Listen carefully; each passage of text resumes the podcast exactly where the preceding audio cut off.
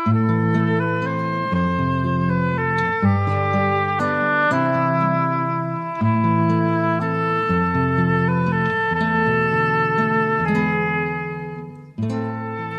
en welkom weer eens by Kortom. My naam is Margot Luit. Ek het vir Marco van der Kolf gevra om vir ons PG se storie Ons mond te lees. Ek het dit gekry in Janet Ferreira se Boereoorlog stories wat destyds by Van Skyk verskyn het. Lekker luister.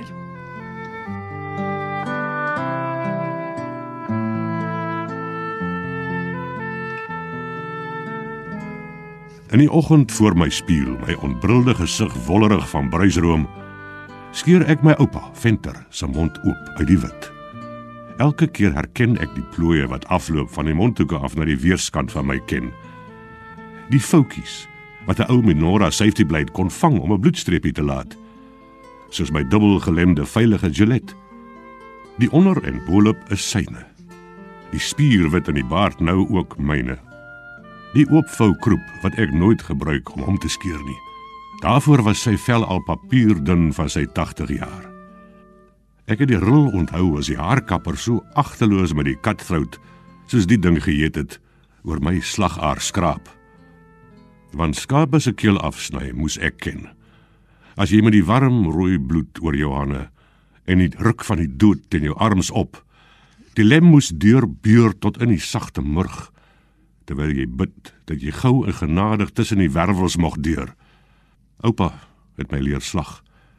En dat jy jou gevoelendhede soms moet eenkant sit. Kon hy? Seker tog.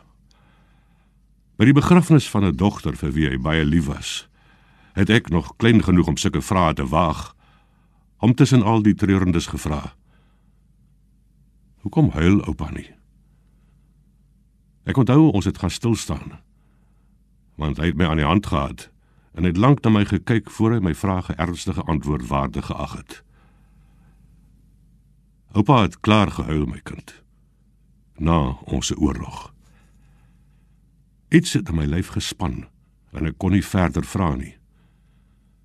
En pa het op navraag weggekyk en gesê: "Laat oupa jou maar eendag self vertel as hy dink jy sal verstaan."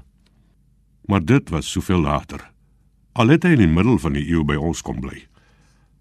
Ousus het vir my ma gesê toe hy die dag by ons afklim. Vandag stoot ek my voete onder julle tafel in. Ek sal 'n kind in jou huis wees. En hy het woord gehou. Die man met die sterk lyf, die weggeslaande kneukels uit sy transport daar, die dopper se wil tot geloof, die krom geboude vingers. Omdat hy na die oorlog niks oorgehad het nie.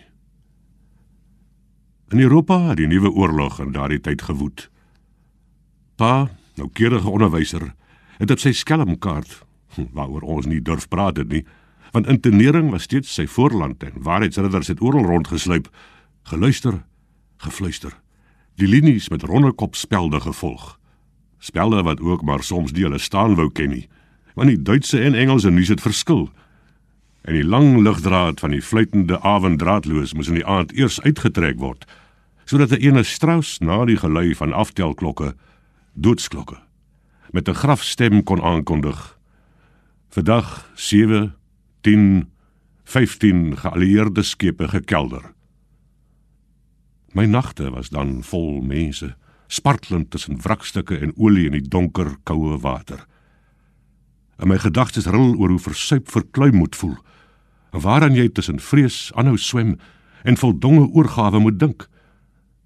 Seker oor die ver, warm, droë land en huise met lig, stemme en oorvloedig lug waarvoor jy nie hoef te veg nie, waarna jy nie hoef te snak nie. Dalk 'n warm bed en 'n vrou, kind, ma. Die eerste onrus oor mense se kortheid slaan dan soos 'n kalk in 'n ketel erns in jou binnesiel neer. In die aande, in my herinnering altyd winter, wanneer die stronke vuur deur die Ellis Deluxe dreun en die volgende een se badwater in die koperboiler warm word, vertel oupa met die Millerlamp se lig in sy Jan Smits baartjie van Magersfontein, van Rooiwal en Blokhuislyne. In my seunskop was dit goddank lank lank terug en ondenkbaar ver verby. Nie meer soos die lyke van bekendes in die stink swart kuste van my verbeelding nie. Die wat asseblief deur hulle opblaas en vrotheid moet kom, sodat hulle aanvaarbare droë beendere kan word. Magersfontein se skotte was al so byvoorbeeld. Oupa sou my later die plek loop wys waar hy en broer Chart in die vlak loopgraaf gelê het en waar hulle buurman gelê het. Die een wat die oggend vroeg 'n kopskoot gekry het en gedurende die lang warm dag so begin opblaas het dat die lijk skemertyd omgerol en oupa met die een stywe arm op die rug geklop het. Daaroor kon hy nooit ophou wonder nie. Hoekom sou ons tussen al daardie dood en gedreun en met die kopseer wat die lediet agter in die randjie ons gegee het, so aan die lagte gegaan het? Ek skaam my tot vandag toe. Maar ek het toe ook al soveel honderde skote deur die Mauser gesit. En soveel mense sien val en 'n kopskoot langs my gesien die oggend. 'n Man wat jy ken. En wat soos 'n bees rok toe hom skiet. Ons skouers was potblou en die geweerloop het die heel dag so warm dat ons maar die patrone een-een ingestoot het. Want ons was bang die magasyne sal ontplof van die loope wat so warm was soos parseisters. As jy op hom spie, dan hardloop die druppel so 'n bolletjie langs hom af, soos op 'n stoof. Dalk die. Na sy stories. Want die lyke was al beendere. En ek warm gebad en knus geslaap met dooie skotte om my abstrakte lyke met rooi gebrande bene. Ek het die hoopstad komando met geweerkolwe sien veg teen die lansers. Ek het deur blokhuislinies gesluip gedurende die lang vlugnagte waar burgers van Lepere afval en aanhou slaap sodat hulle wakker geskop moes word. Selfs die krygsgevangene kamp kon ek my verbeel. Waar 'n luis so heftig na jou toe aanstryk en daar eintlik so stoffie agter hom uitslaan. Want oupa was seker dat hy die regte ding en sy bes gedoen het. Baie seker. Is oupa nie bang vir die dood nie, vra ek. Oupa het vrede gemaak met die Here die tyd toe ek onder doodsvonnis was. So hoekom vra jy dan nog, Pietman? Oupa was nie bang vir die dood nie, want hy het dan vrede gemaak met die Here. En bo kan sy bed het sy vastigheid gehang. Ebenezer. Tot hier toe heeft die Here ons geholpen. Maar in die middag gaan loop ek en pa aan die dorpsveld en praat oor Tennyson wat hy my leer lees. 'n Klompie reëls uit die Mort d'Arthur is onrustig in sy stem.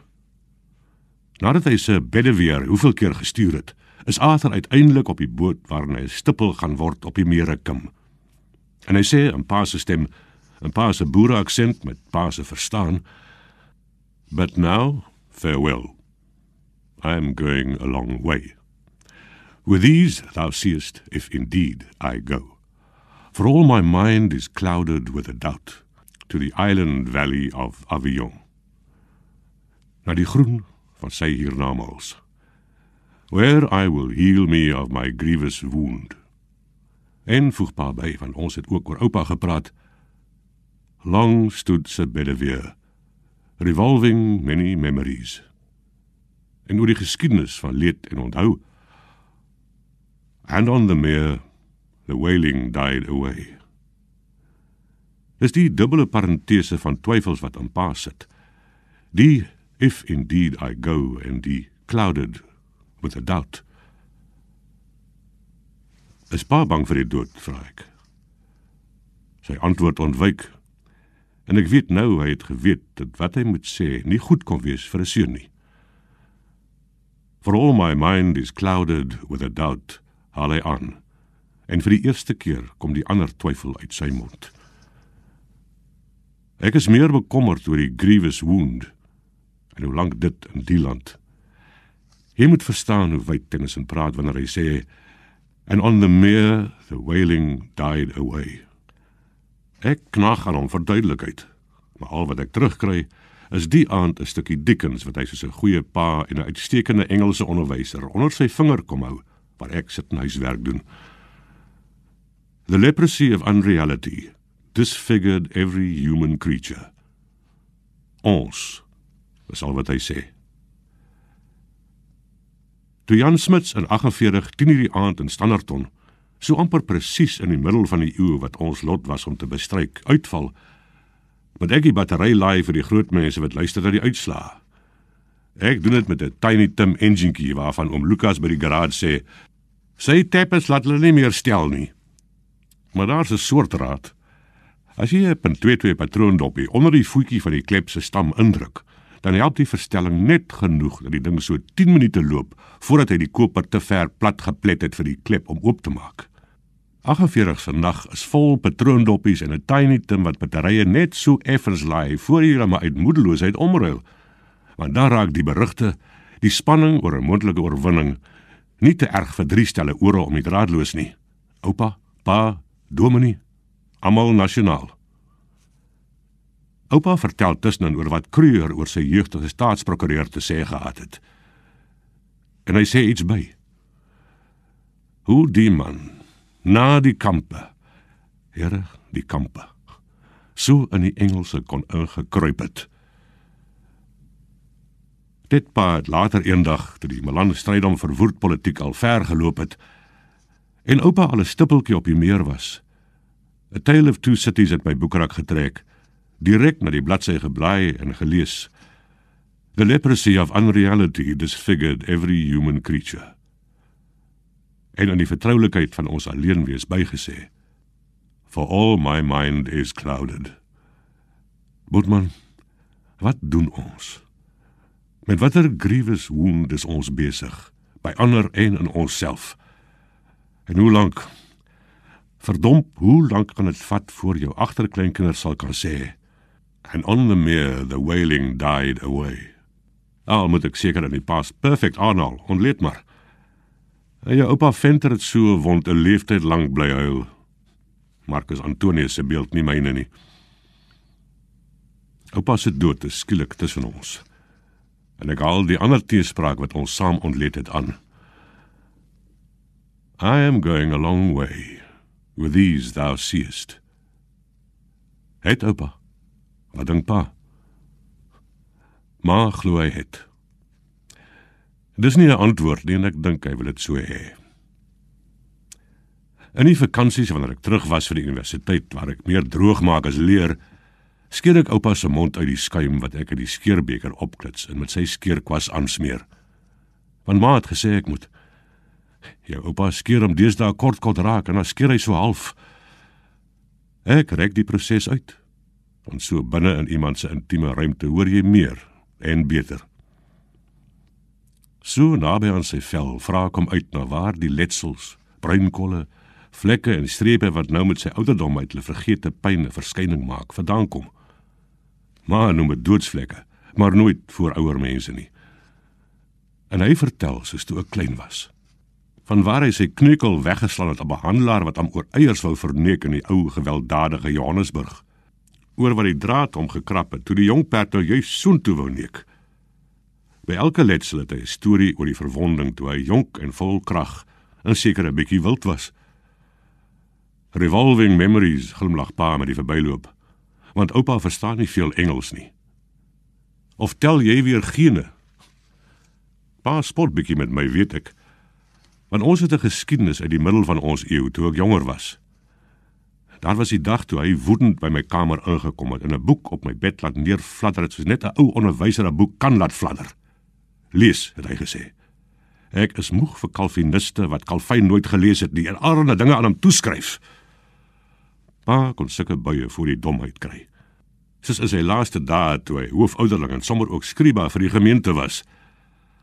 Dit is vreeslik dat hy na 'n kerkraadsvergadering getuur om daar te sit tussen die spul vir wie elkeen skool gehou het. Jy ken elkeen se IQ en voor hy opstaan kan jy al weet watter kaliber stront hy gaan praat.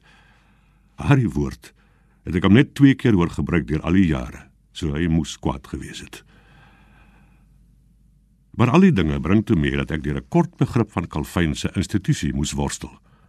In Nederlands nogal. Dis wat aanleiding gegee het tot my gene tellery. Ons is deur die predestinasie met my heftige woede oor die regverdigheidsimplikasies van uitverkiesing en ons het dalk was dit eers meer Calvin nie, sommer katkasasie by die erfsonde aangeland waar kinders moet boet vir wat die ou mense aangevang het. Tot ek ontdek het en ek kon my jeugdige waan van slimmigheid nie daaroor uitgepraat raak nie.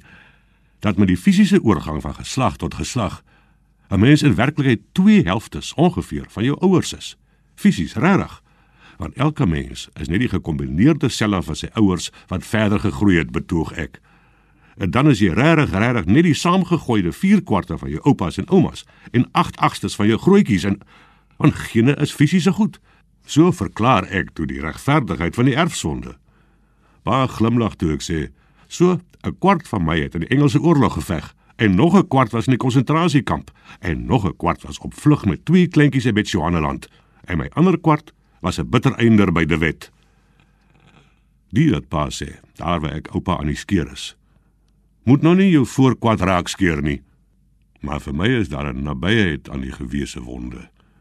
Ook die een wat onverklaard bly. Want oupa kan nie onthou nie.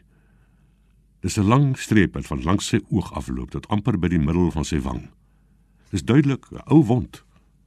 Maar hy kan nie onthou nie. Dis half of my kop die ding nie wil dink nie, probeer hy verduidelik. Tot so 'n maand voor sy dood. Toe onthou hy. Bitman. Nou onthou ek dit soos gister, sê hy sommer met die begin. Die wat nou, oupa? Die lange hier langs my wang af. En wat het oupa daar seer gemaak? Toe ek op komando gegaan het, het my jongste dogtertjie my op die perd gegroet. En sy wou nie laat los nie. Hulle moes haar van my af wegskeur. Dit een van haar naaltjies my so 'n lang streep gekrap. En die seerplek het lank gesweer. Tot amper die hele Magersfontein deur. Ek het alles geweet van oupa, verwyd ek maar daardie aand toe oupa al gaan slaap het. Hoekom het ma my nooit vertel hy het 'n vrou en kinders voor oorlede ouma en ma gehad nie? My kind, sê sy sagter as gewoonlik. Hoekom het jou oupa jou dan nie vertel nie? Maar het seker goeie antwoorde gehad as sy wou. Maar sy vertel. Dat wat met oupa gebeur het 'n gewone storie was met die Engelse oorlog. Mense wat mense verloor, vroue, mans, kinders, ouers, geliefdes mekaar. En so bloedig voort soos oorlog nou maar is. Maar oupa was voor die oorlog getroud met 'n Letty. Dit was die eerste vrou se naam en hy het twee dogtertjies by haar gehad. Hulle is al drie in die kamp dood. Na die oorlog het hy toe met ouma Venter getrou en by haar het hy male gehad. Ouma Venter se naam was Nettie. Die eerste vrou wat so jonk dood is, was Letty. Met die volgende dag se skeer vra ek. Hy vertel nie van hoe hulle gevry en saamgeleef het nie. Hy vertel van hoe hy met so baie verwagtinge van die krygsgevangene trein afgeklim het van hoe daar niemand en niks op die plaas oor was nie. Oor hoe hy begin soek en verneem het. Eers by Bloemfontein se konsentrasiekamp mense. En van die lysste name wat hy sit en deurgaan het, van die lewendes en die dooies. Van hoe hy gehoor het daar was so 'n vrou met twee dogtertjies in alwel Noordse kamp. Van die perdhuurdery wat hom amper sy laaste penny gekos het. Van hoe hy die arme dier amper doodgemoor het van hastigheid en vrees en van die leë lyste op Allewal Noord. Van hoe hy op die trein is Kimberley se kamp toe. En wat hy daar gekry het. Twee van die grafte was darm gemerk. So hy het 'n plek gehad om te huil oor die verniet van alles. Ek het daar klaar gehuil, sê hy. Maar vir die eerste keer van ek hom ken, loop daar 'n traan deur die skeurseep. Ek vra nie verder nie en hy vertel ook nie verder nie. Want die volgende keer toe ek moes huis toe kom, was dit omdat hy beroerte gehad het. Toe ek na die afklim na sy kamer toe is, moes ek eers nie deur stil staan. Want hy het gelê met die psalmboek op sy bors. Ek het onthou hoe hy altyd vir die doppers, voor hom en ma altyd streng enkel gereformeerd genoem, se kerkvergaderings voorberei het onder die Ebenezer bokant om teen die muur. Met eers die Bybel waaruit gelees word, nie baie vlot nie. En dan met die psalmboek wat hy eers deur die oets en die zolle gesing het, nie baie nootvas nie, voor hy Dawid se woorde bygesit het. En dan die gebed in gebroke Nederlands met alle oorgawe en vertroue. Maar die beroerte het iets geblokkeer met die lees. Ek het hom aan die linkerkant moes groet. En vir die eerste keer vandat ek 'n man geword het tussen my familie se mans, het ek vooroor gebuk en hom op die voorkop gesoen. Dit was die volgende oggend, toe ma na sy hom gewas het, ek sou hom skeer, hy daarop aangedring. Vir die eerste keer met die storie uit oupa se kamer gekom het. Frikkie, sê sy vir pa. Dit lyk vir my die beroerte tog meer van die brein aangetas as wat ons gedink het. En sy verduidelik vir my want hulle het kennelik al oor die ding gepraat. Dis nou die derde oggend dat jou oupa by die ding kom. Elke keer sê hy vir my dat ons hom tog nie moet verkwalik nie. Dis nou ons kinders. Jou ouma Venter se kinders. Elke keer as ek hom daarna vra, dan wil hy nie uitwy nie. Maar hy hou aan sê dat ons hom tog nie na sy dood moet kwalik neem nie. Maar meer kry ek nie uit hom uit nie. Iets pla hom oor ons. Eers die 4de oggend sê hy meer. Ousus, het hy vir my gesê. Julle moet tog nooit dink dat ek julle moeder minder liefgehad het as vir oorlede Letty nie of dat julle vir my minder was as die twee dogtertjies wat in die kamp dood is nie. En ma sê sy het nie mooi geweet wat om te sê nie. En sê toe maar: "Maar pa, ons weet mos pa en oorlema het 'n mooi en goeie huwelik gehad. En pa was vir ons 'n goeie vader. Hoe kan pa nou nee ousus? Pa wil net hê julle moet weet. Die 5de oggend huil ma toe sy in die kamer kom. En sy haal oupa se woorde vir ons aan. Ousus, My tyd is naby. Maar ek wil hê julle moet dink julle oorlede moeder of julle kinders was vir my minder as Oeleletty en die twee dogtertjies nie. Maar ek weet nou al 4 dae dat my tyd gekom het. En ek is dankbaar. Want in die hoek van die kamer staan Letty en die twee dogtertjies nou elke oggend vir my in wag. Maar huil en praat romanties van die een groot lewensliefde terwyl sy pa se hand vashou. En pa kyk vir my en sê by ma verby. Dit was sy grievous wound. Hy sê maar net, I am going a long way with these thou seest. Maar dit sal geslagte vat vir ons verwonding van ander. Ons leprosy of unreality, die melaatsheid in ons gene wat ons self ook so verwond het, se huil sal wegsterf oor die meer. Ek het die oggend vir die laaste keer daardie mond van ons uit die wit oopgeskeur. En in die oggende voor my spieël skeer ek grafletsels uit die skuim. Want ons mond het 'n wond geword. En die wonde monde. Marco van der Kolf het vir ons PG Du Plessis se Ons mond voorgeles. Dit kom uit die boereoorlog stories wat Janet Ferreira saamgestel het en van Skyk gepubliseer het. Van ons vers en klank van kortom van RSG kan ons jou nooit voldoende bedank vir wat jy vir die Afrikaanse letterkunde gedoen het nie. En al wat ons kan doen is om te sê bravo grootman. Alles van die beste. Totsiens. thank you